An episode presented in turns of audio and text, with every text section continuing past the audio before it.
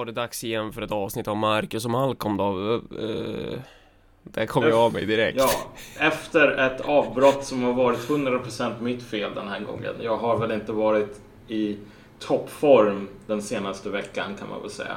Nej. Så det är... Sen har det varit massor med jävla problem med glappande USB-kontakter och liknande. Så. Ja. Man kan väl säga så här att, att, att må bra är väl inte din och min starka sida överhuvudtaget egentligen. Nej, precis. Jag har aldrig Men- riktigt fattat vad grejen med det. Vi, vi lever helt enkelt på andras olycka. Det är det som är våran glädje. Ja. Eh, och folk har väl varit lite för glada på sistone kanske. ja, det tycker jag definitivt. Ehm, Men, men, men ja, eh, apropå. Apropå... Nu, nu, nu bröt jag av dig här, men jag tänkte så här. Var det inte någonting om shoutouts? Jo, jag har noterat det. Vi missade ju det i något eh, tidigare avsnitt. Vi ska göra två shoutouts till två Twitterkonton som har eh, spridit våran podcast extra mycket. Det är väldigt många människor, det är väldigt många människor där det kanske inte som gör det, men det är, det är några stycken galna, eh, ensamma galningar där ute som eh, håller Marcus och Malcolm-fanan högt och eh, sprider våran podcast. Eh, så jag ska göra en shoutout till Tide Employee och Kanske en dag. Ehm, enligt Tide Employee så var det tack vare honom eller henne, jag vet inte, eh, som den här DN-journalisten fick tag i våran podd och rankade oss som fjärde bäst i Sverige. Fan, jag kommer, jag kommer leva på den där lilla ljusglimten länge. Det är så när man, när man lever i totalt jävla mörker. Då, just då, då får man den där lilla egoboosten och så sitter man där om 30 år och bara Ja, 2016, då, Då fick man sina 15 minuter. ja jävlar.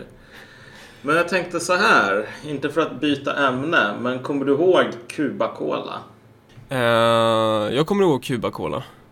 Den finns väl fortfarande till och med? Ja, Ja, hur som helst, en gång i tiden på den, den när pa Sankt Palme fortfarande var vid liv och så vidare. Och så just det. vidare. Ja. Ehm, och antiimperialism var coolt. Så eh, då drack man ju inte Coca-Cola. Det kunde man bli inkallad i en jävla förhör i korridoren. Ja. Man gjorde. Utan man skulle dricka Cuba-Cola. För att markera man höll till den sanna antiimperialistiska linjen. Ehm, och jag tänkte bara så här. Fick det jävla infall på sistone att någon borde väl vid det här laget ha lanserat någon så här Assad-cola. Lejon-cola. Jag, jag ser framför mig Jag ser framför mig en paint-etikett med Bashar al-Assad Hans, hans fina ansikte och sen så typ någon så här rosa bakgrund typ så här blekt Nästan som om det skulle vara gjort för typ en malisk presidentvalskampanj Och så står det bara le, le, Syriens lejon eller så här, lejonet Assad Ja, och jag tänker bara så här att någon har ju av någon anledning anklagat dig och mig för att vara någon sorts Assad-kramare. Ja, Och eh, när jag satt och tänkte på den där flaskan Assad-cola så bara guilty as charged. ja, jag, Jag skulle lätt dricka en sådan. ja vem, vem skulle inte köpa en sån cola? Ja. Eller ja, obstinata trottar givetvis för att visa ett aktivt statement att de, de, de är fan inte för den här mördardiktatorn Assad Ja, alltså. jo men precis. Och sen DN-journalister skulle väl tycka att det här var krigsbrott värdigt av Haag liksom att dricka den här kolan. Men det skulle ju vara ganska lustigt med Ja. tanke på, ja. Det går ju i och för sig att dricka Mecca-cola men jag tror att det är typ Saudiarabien eller någonting som håller det. Så det, det är inte lika, det är inte lika ballt. Det sjuka är att jag känner inte lika starkt för Mecca Cola. Så jag kanske är Nej. en Assad-kramare trots allt. Men man ska ju säga att de där anklagelserna, ehm, de eh, som, som florerar, det var någon som skrev på våran eh, Facebook-sida att ja, det står över hela internet, eller man kan läsa på flera ställen på internet, vad fan det där betyder, att eh, eh, vi skulle vara liksom någon sorts Assad-kramare, primärt jag då. Eh, och det man kan säga om det är väl att jag talar på någon demonstration någon gång under parollen nej till krig i Syrien så då blir man väl någon slags Assad-kramare. Ja, det var ett gäng apoister där också om man ska eh, stanna vid, vid den sortens begrepp eh, som också talar på samma demonstration och jag så vitt jag vet så brukar väl inte direkt så här PKK-affilierade kurder vara så jävla pro-Assad liksom men men eh, ja i obstinata trottars värld så, så blir man ju automatiskt pro-Assad bara man typ inte tycker att det som händer i Syrien och Irak just nu är liksom en socialistisk världsrevolution liksom. Ja, men det är väl också så här att jag menar så som diskussionen har polariserats så blir det så här antingen så är du för bomba Assad eller så Ja. är du typ för du älskar lejonet Assad och typ kramar hans någon kramkudde med anime Assad på varje morgon.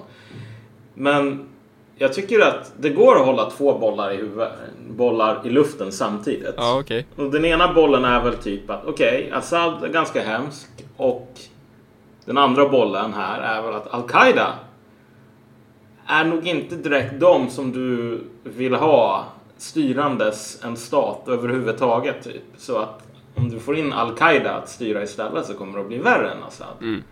Att det finns saker som är värre än Assad är ju inte samma sak, tycker jag i alla fall, som att säga att om en Assad är bra. Jag ser, jag ser rubrikerna redan framför mig de här Ja, sekttidningarna liksom. Mm. Tar aktivt ställning för mördarregimen.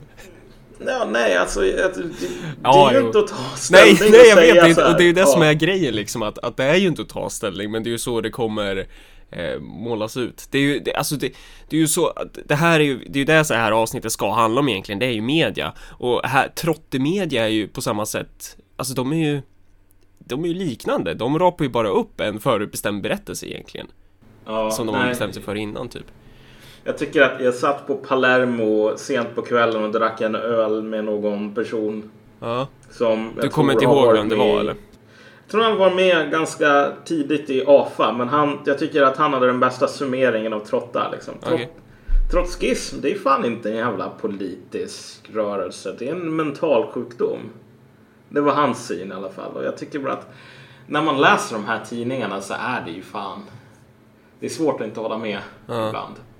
Men hur som helst, nu ska vi inte vara elaka mot Trotta. Men det Jag var har- väl därför han eh, i Mexiko blev lobotomerad med Nisaka, eller hur, hur var det?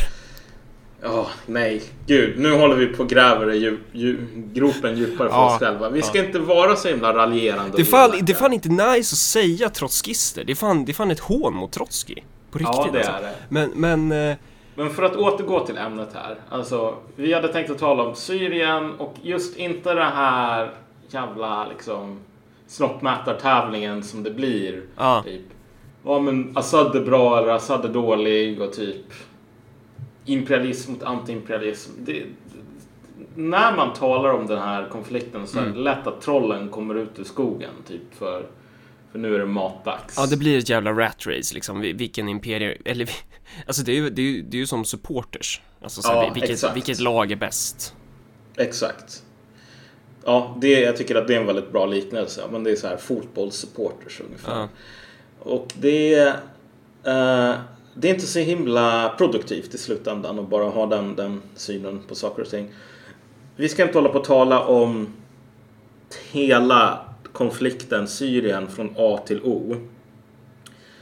Eh, utan snarare någonting ganska intressant som hände där nyligen. Och typ vad det ändå vad den här konflikten illustrerar om saker och ting som pågår utanför Syrien också. Liksom. Större processer i våran samtid. Det är ju jävligt svårt att försöka kasta sig in i den där konflikten för att den är liksom så här 50-11 dimensionell typ. Ja, Det, precis. det är så här, det, det är sånt jävla, sånt jävla kaos är det. Ja, vi har ju sagt det förut, men här har du Mellanösterns 30-åriga krig. Ja, Och så har du människor som säger liksom att jag kommer inte ihåg vad det latinska uttrycket är, men det här kriget föder sig självt ungefär. Mm. Ehm, och du har Turkiet som håller på, nyligen så släpptes det ju videos med så här turkiska soldater som håller på och avrättar PKK, PKK så här kvinnliga soldater i det. Så man kan gå ut och kolla på om man tycker sånt är roligt. Men det, det är ju så tydligt hur alla sidor i den här konflikten är ute efter sina egna intressen. Och hur de håller på och kolliderar med alla andras. Liksom. Det finns ingen övergripande plan överhuvudtaget. Men två intressen som är värda att lägga märke till som kolliderade och som det skrevs ganska lite om. Det är den här eh, vad ska man säga, konflikten i det fördolda. Konflikten mellan örnen och björnen. Precis. För nu har det, tal det har talats ganska mycket om så här, tredje världskriget hit och dit. Hillary Clinton kommer att leda till tredje världskriget. Donald Trump kommer att leda till tredje världskriget för han kommer att trycka på den stora röda knappen så fort han får chansen typ. Men det, och det där är mycket nonsens liksom. Det där är mycket eh, retorik. Men vi har en faktisk konflikt mellan USA och Ryssland. Och detaljerna i den är det väldigt sällan som man läser så himla mycket om i, i västerländsk media. Alltså, det, man får läsa om i svensk press eh, är ju i princip typ man, man, får- man får ju se liksom Assad och Rysslands bombningar och att civila lider ju fruktansvärt av det och det stämmer ju. Men, men man får liksom inte, man, man skulle kunna jämföra det här nu när man har Alltså i Irak så har man inlett en offensiv mot Mosul där liksom USA understödda styrkor på marken halvt som halvt under, under så, jag kan inte prata, halvt som halvt USA understödda styrkor på marken eh, går in i Mosul och Mosul är ungefär en typ jämnstor stad som Aleppo eh, avrundat någon halv miljon liksom. Eh, men, men skildringarna är ju väldigt olika. Att så här att i, i Aleppo där ryssarna håller på och bombar där är det liksom så här det är Putin och Assad, de, är, de gör det här av ren ondska. Så bombar de östra Aleppo typ. Eh, och i Ja. Mosul när bombarna kommer regna över där, då är det ju Det är bara en ren eh, Alla kommer bli glada. Det är bara så här World Police kommer typ. Ja men typ, nej men det är så här liksom. När, när civila dör i Aleppo. Ja, Då är det för att ryssarna är elaka och håller på och bombar ställen där det finns massor med civila. Eh, och det är ryssarnas fel. Mm. Och när civila dör i Mosul, då är det IS fel.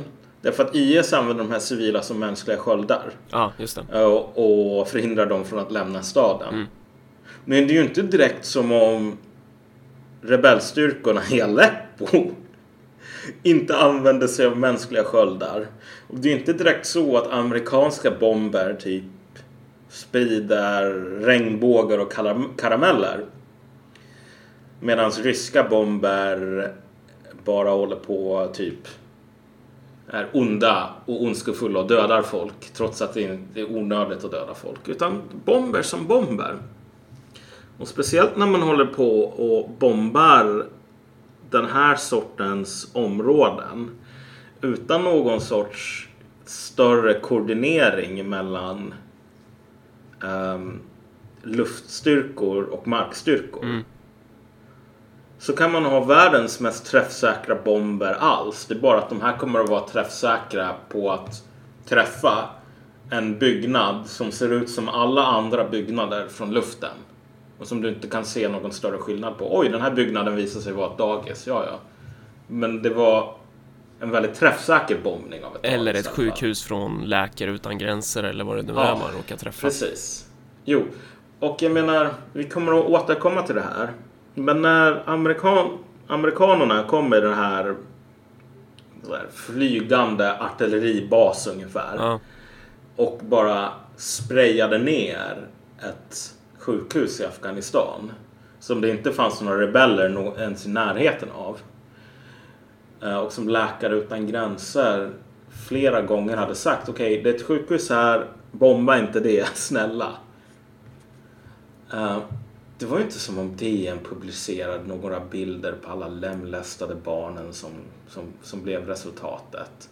Alla människor som dog totalt i onödan. Och bara här har du sanna ansiktet på USAs krig. Självklart gjorde man inte det. Men den här sortens... Vad ska man säga? N- när ryssarna ger sin vinklade bild, då är det propaganda. Men när DN rapporterar, då är det sanning. Eller så vill man i alla fall få det till. Någonting händer Det är något stort på gång med våra vänner Det är Marcus och Malcolms podd Alltså en sak, och det här kanske får bli det centrala temat för det här avsnittet. Det är en incident som rapporterades ganska lite om i västerländsk media. Och det är när amerikanerna bombade en syrisk armébas av misstag inom citationstecken. Mm. I, I någon timme höll man Ja, på att bomba den av misstag. Och det brukar vara så här i proxykonflikter att man har massor med rådgivare på plats eh, från båda sidor. USA har rådgivare på plats, Ryssland har rådgivare på plats. Rådgivare är en omskrivning för typ militär personal som håller på med liksom koordinerar artilleripjäser och liknande. Koordinerar flyganfall och liknande. Så det här är ju faktiskt, faktiska militärer. De kanske inte är de som står vid fronten och skjuter med M16-gevär men det är fortfarande militär personal. Det är liksom inga... Och de håller inte på med så mycket rådgivning oftast. Men när man håller på och bombar syriska armén så är ju risken, eftersom det finns massor med ryska rådgivare, att man håller på och dödar ryssar också.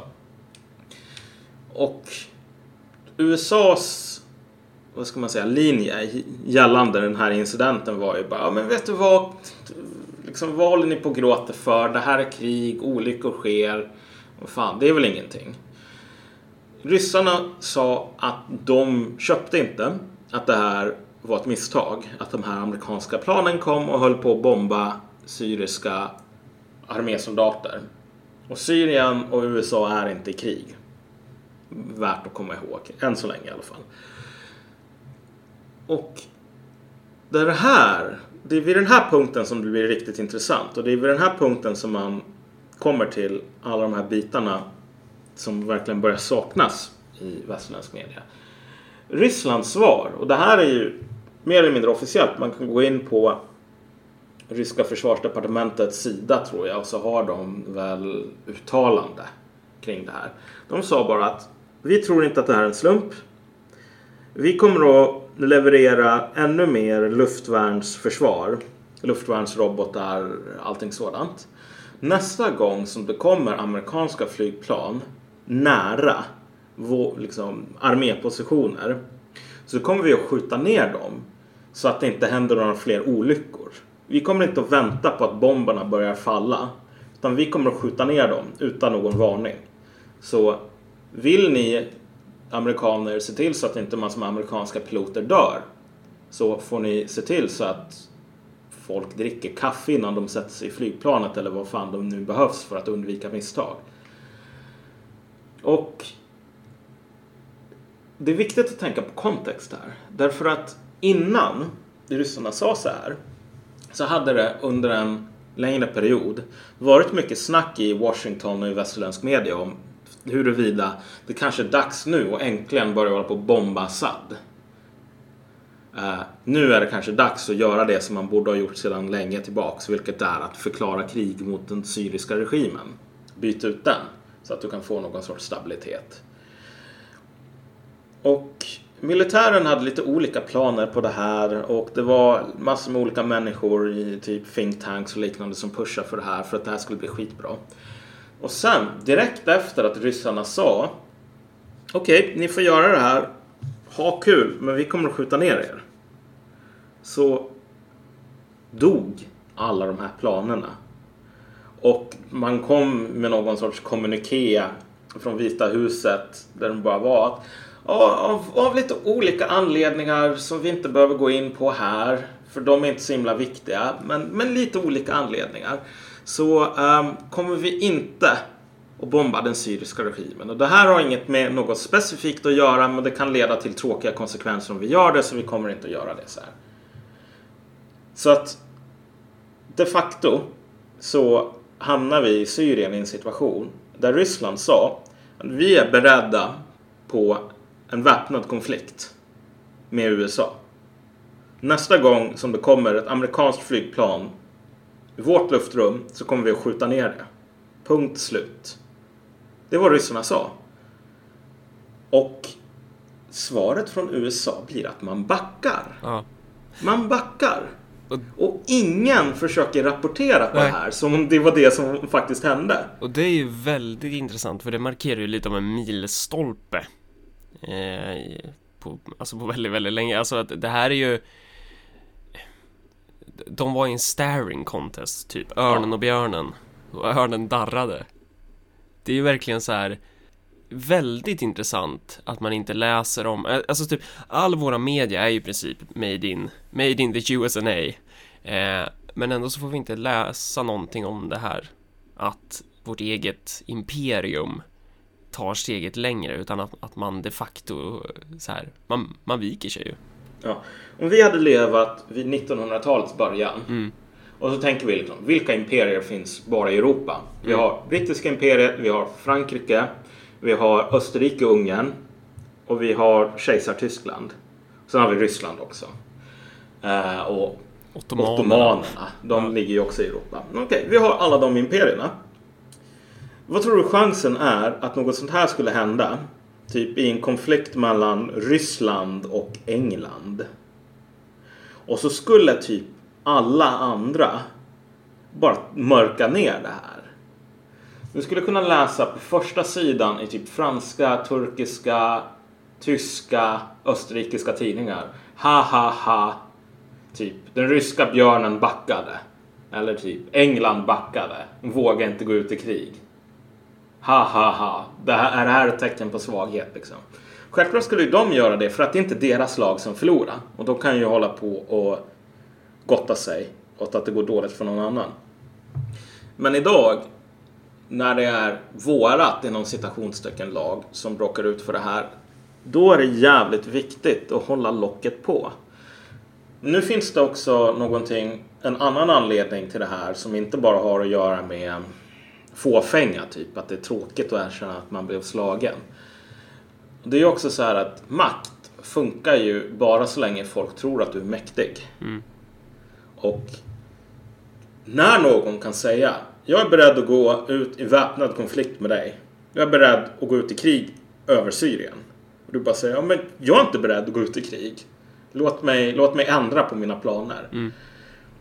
När det kommer ut och när folk, tillräckligt många människor vet om att du kan hota någon med att gå ut i krig och de kommer att säga ja, jag ändrar på mig. Då kommer få fler människor att göra det.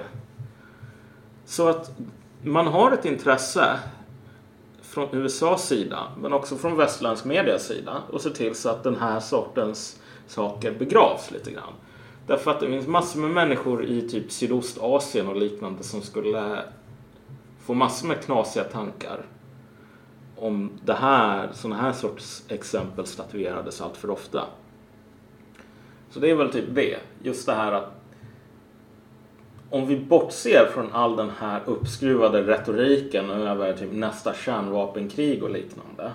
Så Syrien är en proxykonflikt. Det betyder att man inte slåss direkt. Man har massor med allierade undertrupper som slåss åt den. Men i denna proxykonflikt så finns det en potential för en riktig konflikt. Och USA har talat väldigt hårt om liksom, hur mäktig man, mäktiga man är och hur beredda man är och på att dra röda linjer i sanden och så vidare. Men här har, hade vi ju faktiskt en chans till eskalering där eskaleringen inte skedde därför att USA inte var berett att eskalera. Inte för att ryssarna var för fega. Så det här är ett tecken i tiden tror jag. Fler sådana här saker händer. Alltså fler sådana här tecken på svaghet ser vi. Och man behöver inte vara något större fan av USA för att se varför det är ett problem. Därför att om folk börjar vädra blodet i vattnet då kommer du få en ny konflikt om eh, liksom intressesfärer och typ vem som är bossen, var någonstans och så vidare. Och det där ser du ju sakta men säkert även i Asien idag. Väldigt mycket så. Så att eh, om fokus nu är på liksom Rysslands hemskheter i Aleppo och USAs befrielse av Mosul så, så är liksom den stora vändpunkten, eller om man ska säga så, eh, är ju det här Deir ez-Zor som du var inne på liksom. Ja. Eh, och det för oss ju in på själva huvudämnet egentligen. Vi är ju redan inne på det, men det är ju så här hur man från olika mediekanaler berättar om det här och varför man berättar om det på det sättet som man gör.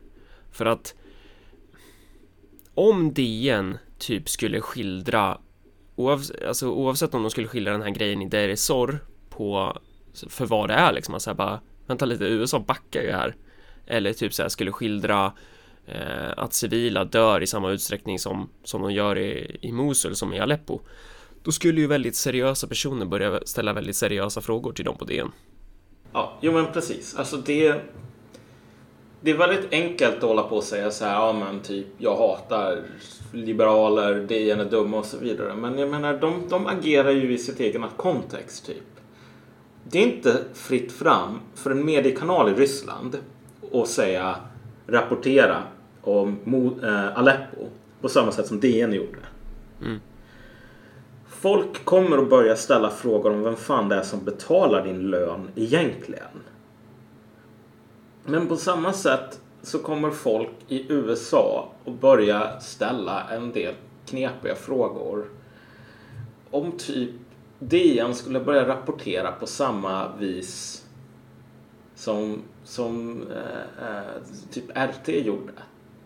Och grejen är ju att det går ju att rapportera på precis samma vis för amerikanska bomber och så vidare. De skiljer sig inte så himla mycket från ryska bomber när de väl har exploderat typ. Så att du, du kan rapportera om krigets fasor, vilket DN har gjort. Både i Aleppo och Mosul.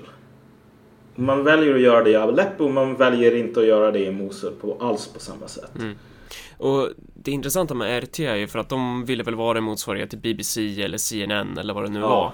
var. Eh, att, och de är ju verkligen det. Eh, för att jag stör mig så fan på vissa som är så här, om, om man länkar ett klipp från RT så ska någon jävel alltid komma in där och bara så här, det här är rysk statspropaganda.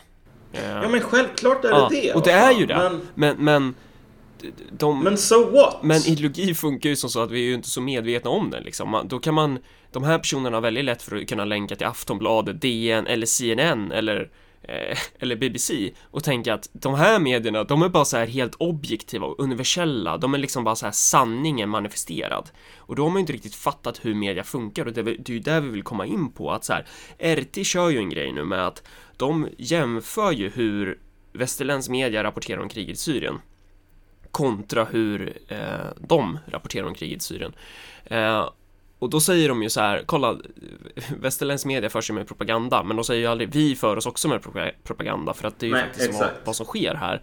Eh, och det är ju ganska naturligt. Det är ju det är naturligt eftersom media är ju inte, har aldrig varit och kommer nog aldrig vara en en objektiv nyhetsförmedling av vad som sker, utan media är propaganda. Hur jobbigt det än är att behöva inse det faktum att det gäller även svensk media, som ju börjar bli mer och mer så här, alltså galet eh, okritiska till, till eh, den som håller i kopplet liksom. Och då menar inte jag att det skulle vila någon slags konspiration bakom typ så här eh, vilka som äger media eller något sånt, utan mer bara så här vi är, vi är i, i praktiken en, en klientstat till USA liksom.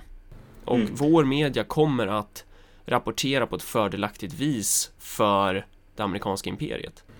Ja, alltså det finns massor med bara sociala skäl till att rapportera på ett fördelaktigt vis. Ja.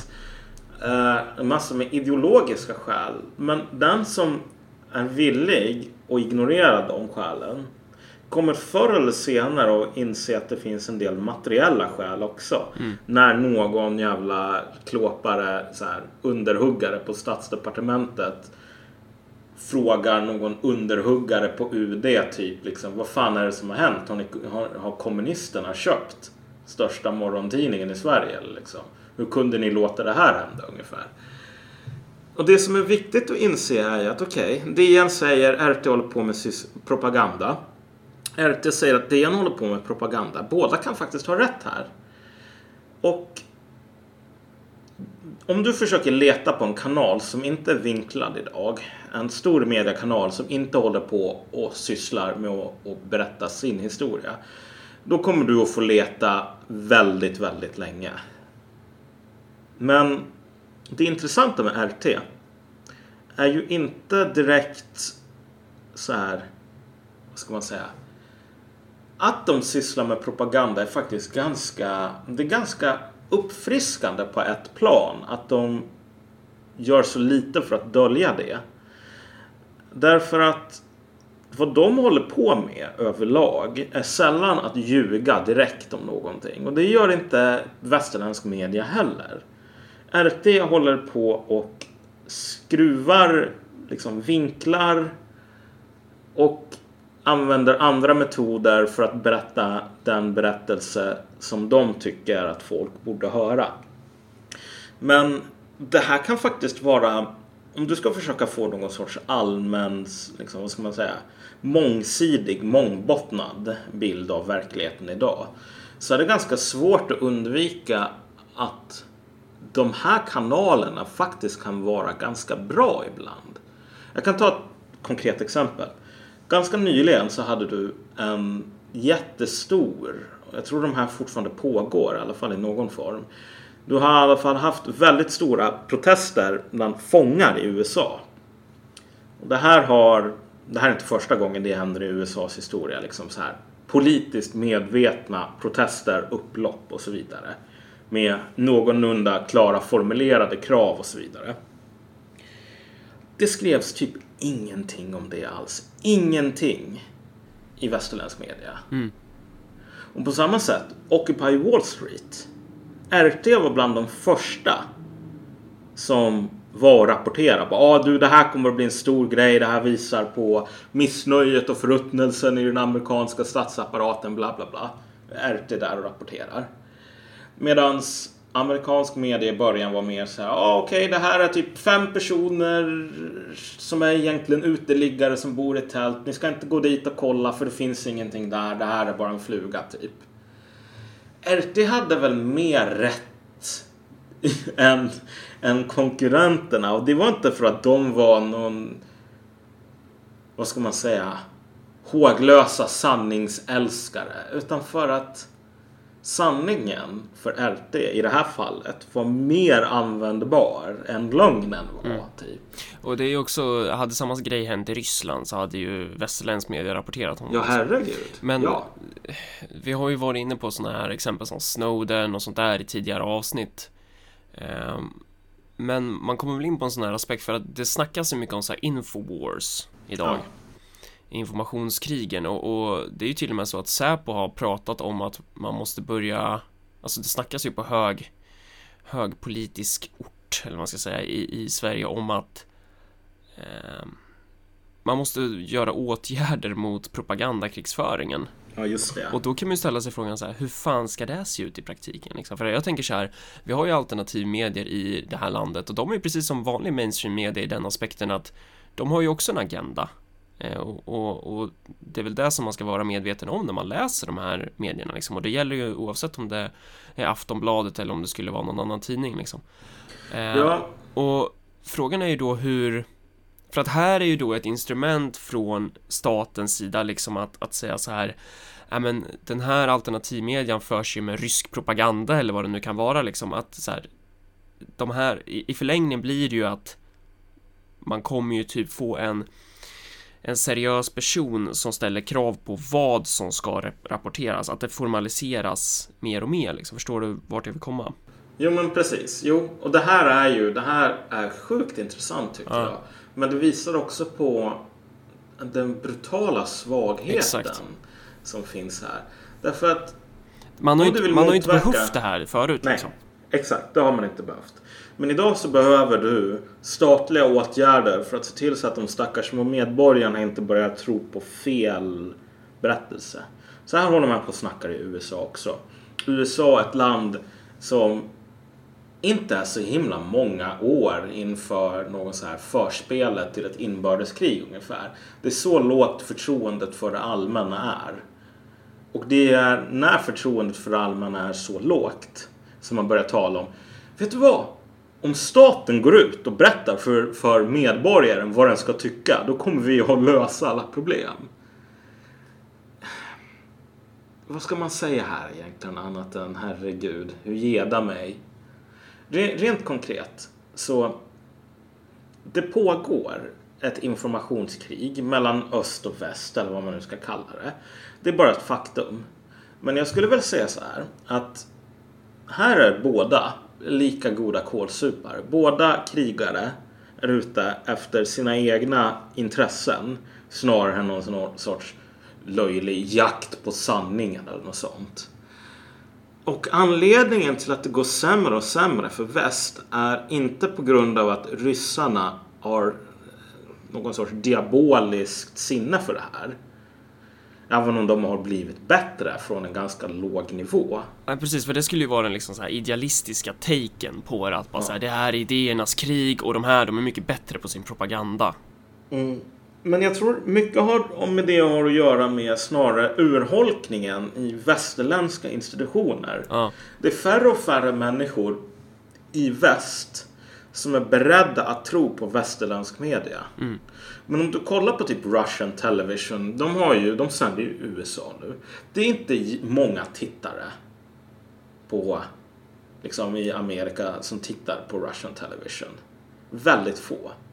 Men så att det är inte Russian Television som har gjort att typ förtroendet för amerikansk media är på rekordlåga nivåer och antagligen kommer att sjunka ännu mer nu. Utan det är ju det egna felet liksom. Det här är amerikanernas egna jävla soppa som de har kokat ihop. På samma sätt så, och det här kommer vi väl kanske att tala om lite grann i nästa avsnitt, men den låga tilltron till traditionell media och fler och fler som vänder sig till alternativ media. Det är också vårat jävla egna soppa som vi har kokat ihop. Mm. Det är i slutändan inte så att avpixlat kom där och sen så bara hjärntvättade de Sveriges befolkning. Utan avpixlat skapades för att det fanns en marknad för avpixlat. Ja, alltså som vanligt med oss kommunister så kommer vi ju vara så pass tråkiga så att vi kommer ju landa i liksom eh, Vi kommer ju landa i det här jobbiga materiella igen. Ja, precis. Att så här, du, det, din, dina ideologiska institutioner urholkas ju när det inte längre, när de inte längre uppfyller samma materiella behov. Alltså anledningen till att vi får ett större etablissemangshat är ju för att mattan dras undan på folket. Och det är ju det som händer i väst. Att de socialdemokratiska projekten, de är helt döda och det som finns kvar är bara så här, det är vi i den här så kallade historiens slut. Eh, ja, det... Alla är medelklass och de som ja, inte är det kan dra åt helvete och ruttna bort. Ja, precis. Dumma bonlurkar som inte fattar att de... Hallå, ta er i kragen. Skaffa er en jävla analys för fan. Ja. Måhända, inte mitt måhända, jobb att utbilda er. Måhända att bruken har lagt ner, men vad fan, sluta vara en jävla sisman. Alltså det är ju typ den här storyn som de här spindoktorerna i District 1 försöker spinna liksom. Eh, så att Infowars är ju inte bara Infowars, det är en förlängning av en materiell konflikt, av en materiell motsättning och det är så man alltid måste förstå det här. Alltså så här, krig utspelas med soldater. Ja. Det här propagandan är bara ännu ett verktyg i det här kriget. Eh, men, men, vi får inte lära oss där liksom, utan vår ideologiska berättelse som vi får från barnsben så är ju det här precis som i alla länder liksom, och det, det ingår ju i det att det här är sanningen liksom. Ja, du, du ska inte, det här ska du ta med en nypa salt när du läser de här tidningarna från de här länderna, men läser du en svensk tidning, då är det lugnt. Och det är samma grej som om du länkar så här en grej från alternativmedia, typ bara så här, folk kommer in direkt med den här pekpinnen liksom och bara Ja, men du måste ju veta vilka det är som ligger bakom det. Ja, det stämmer. Du, du, klart man ska ha koll på vem det är som ligger bakom det och vad det är för slags agenda som finns där liksom. För det ökar ju din förståelse för hur du ska tolka nyheten, men du ska fan ha samma jävla pekpinne när det gäller de här etablerade jävla mainstream media alltså. Ja, alltså herregud. Det går, RT är ganska bra många gånger tycker jag för nyheter. Så länge som det är den sortens nyheter där du kan ko kontrollera källorna själv. Om RT säger att ryska försvarsministeriet sa det här och länkar till deras sida. Då finns det ingen öppning för dem att ljuga typ. Gå in och kolla på sidan själv. Så att visst. Källkritik måste man alltid ha. Men jag menar det, det är en bra vana att ha alltid. Inte bara alltid när man läser RT-artiklar. Eh, jag kollar Wikipedia nu. RT, tidigare känd som Russia Today.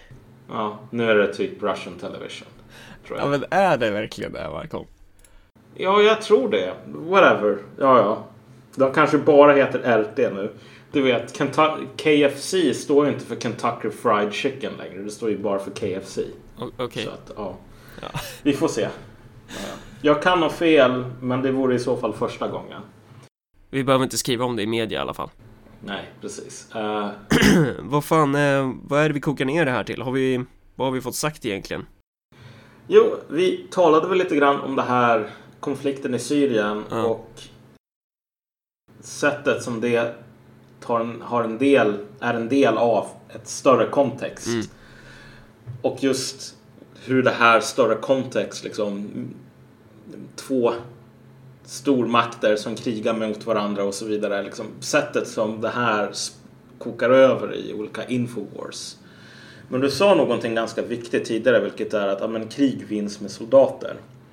Och jag tror att det här är någonting som ganska många journalister och liberala tyckare och tänkare håller på att få sig en jävla näsbränna över när det gäller just Syrien. Därför att Infowars vinner aldrig krig. Den som har mest soldater, bäst taktik, bäst strategi, bäst vapen vinner krig. Och ryssarna, alltså på den militära fronten så ser det ganska dåligt ut för frihetens och demokratins vänner just nu. Och jag tror att många journalister har väl hamnat i den här ekokammaren och den här bubblan av hyperverklighet. Där de börjar tro på sin egen magi typ. Så att bara vi manipulerar symbolerna och bara vi liksom rapporterar på rätt sätt då kommer, då kommer de här Al-Qaida att förvandlas till moderata rebeller liksom. Mm. Ja men det är ju idealismen i, i sin kärna. Mm. Precis. För att dra hela den över en kam. Men nästa, nästa avsnitt kommer vi nog att tala lite mer om det här med media. Men då kommer vi att lämna det här. Det är en grej till jag tänkte på. Att precis i nästa avsnitt ska vi gå in lite mer med media och så. Men, men eh, alltså det här är ganska tydligt när det gäller svenska vänstern. Om man, om man, man kan ju inte låta dem liksom. Man måste ju prata om dem i varje avsnitt fast de är helt jävla irrelevanta och jag hatar dem. Men de är ju, många där är ju väldigt så här. Ja, vad ska vänstern göra för att gå framåt? Hur ska vänstern göra för att bli bra igen? Ja. Och så är det ju folk som på riktigt då anför den här sortens analys om att Nej, men det handlar om metapolitik. Alltså bara. Metapolitik. Ja, herregud. Den som använder... Nu, nu, nu blir jag liksom Hulk Hogan här. Triggered. Den som använder metapolitik borde fan typ dras bakom en jävla lada och skjutas i skallen. Varför då, Malcolm? Kolla. Känner någon till Gramsci? Ja, jag har hört om honom. Ja, precis. Metapolitik är ett ord som ganska så här, halvkompetenta, om man ska använda det uttrycket. Halvkompetenta människor inom typ fransk nyhöger och liknande. Som satt och läste Gramsci och sa Men vet du vad, det här är fan ganska ballt. Men om vi hittar på ett eget ord och tvättar bort det riktigt coola med det. Jag vet, vi kallar det metapolitik. Men om du tillhör vänstern, typ. Ja. Varför ska du använda dig av en term som är typ... Det är som de här jävla kaffebönorna som, som typ har passerat genom flera små djurs typ ändtarmar innan Ja. man kokar kaffe på dem. Okej. Så här. Säg bara Gramsci liksom. Ja, Hegemoni. ja okej. Hegemoni. Men det, Ja. det är ju inte, då måste ju de här människorna erkänna att de har läst Gramsci. Sen har de gjort det utifrån en helt annan. De har ju läst Gramsci som fan läser Bibeln ibland Ja. liksom. Men, Jo, men alltså, visst. poängen Men jag menar, ja. dit, dit jag vill komma är att så här, folk håller ju på och snackar om det här som har passerat en tarms, eh, så här, tarmsystemet, eh, metapolitik. Att så här bara, ja men eh, bara vänstern börjar föra en idékamp så Ja. kommer vi gå framåt. Men nej, vänstern är ju liksom Vänstern kommer inte gå framåt utan vänsterns problem är ju materiellt och det är ju att eh, den är obsolet idag liksom. Alltså det, Men det är det som ja. är, att, att, analysen hamnar i ungefär som personer inom det politiska etablissemanget som är så här bara, ja men bara vi skarvar vår berättelse extra bra.